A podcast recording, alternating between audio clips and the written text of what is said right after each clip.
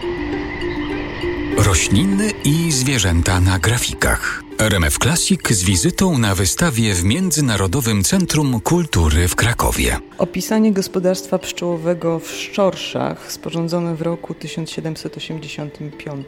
Rzecz opowiada o pracach pasiecznika i jest poprowadzona wedle porządku kalendarza.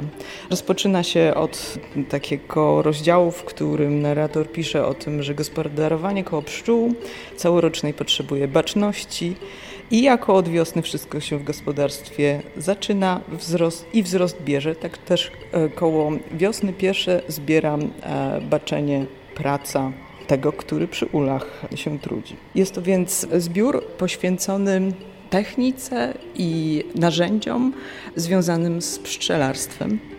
Autorstwo przypisywane jest Joachimowi Litaworowi Chreptowiczowi, który mm, to Chreptowicz należy do e, wąskiego grona polskich fizjokratów. Co jest o tyle ciekawe, że fizjokratyzm był, e, w, który narodził się we Francji w mm, połowie wieku XVIII, był jedną z pierwszych doktryn ekonomicznych. W tych traktatach fizjokratycznych ul jest pokazywany jako taka społeczność, która zespala swoje siły po to, żeby wytwarzać. I w ogóle, w ogóle ta figura społeczności naturalnej, czyli właśnie społeczności zwierząt, które dostarczają jakichś dóbr wytworzonych, bardzo dobrze do myślenia fizjokratycznego pasuje. Na ile te dwa tematy połączone były w myśli Chreptowicza, no to jest rzecz jeszcze do rozstrzygnięcia. W każdym razie ul, fizjokraci, gospodarowanie w naturze. Ale ta strona, na której otwarta jest ta książka, ukazuje budowę samą?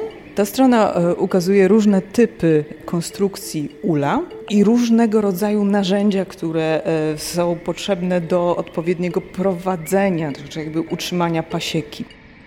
Rośliny i zwierzęta na grafikach. RMF Classic z wizytą na wystawie w Międzynarodowym Centrum Kultury w Krakowie.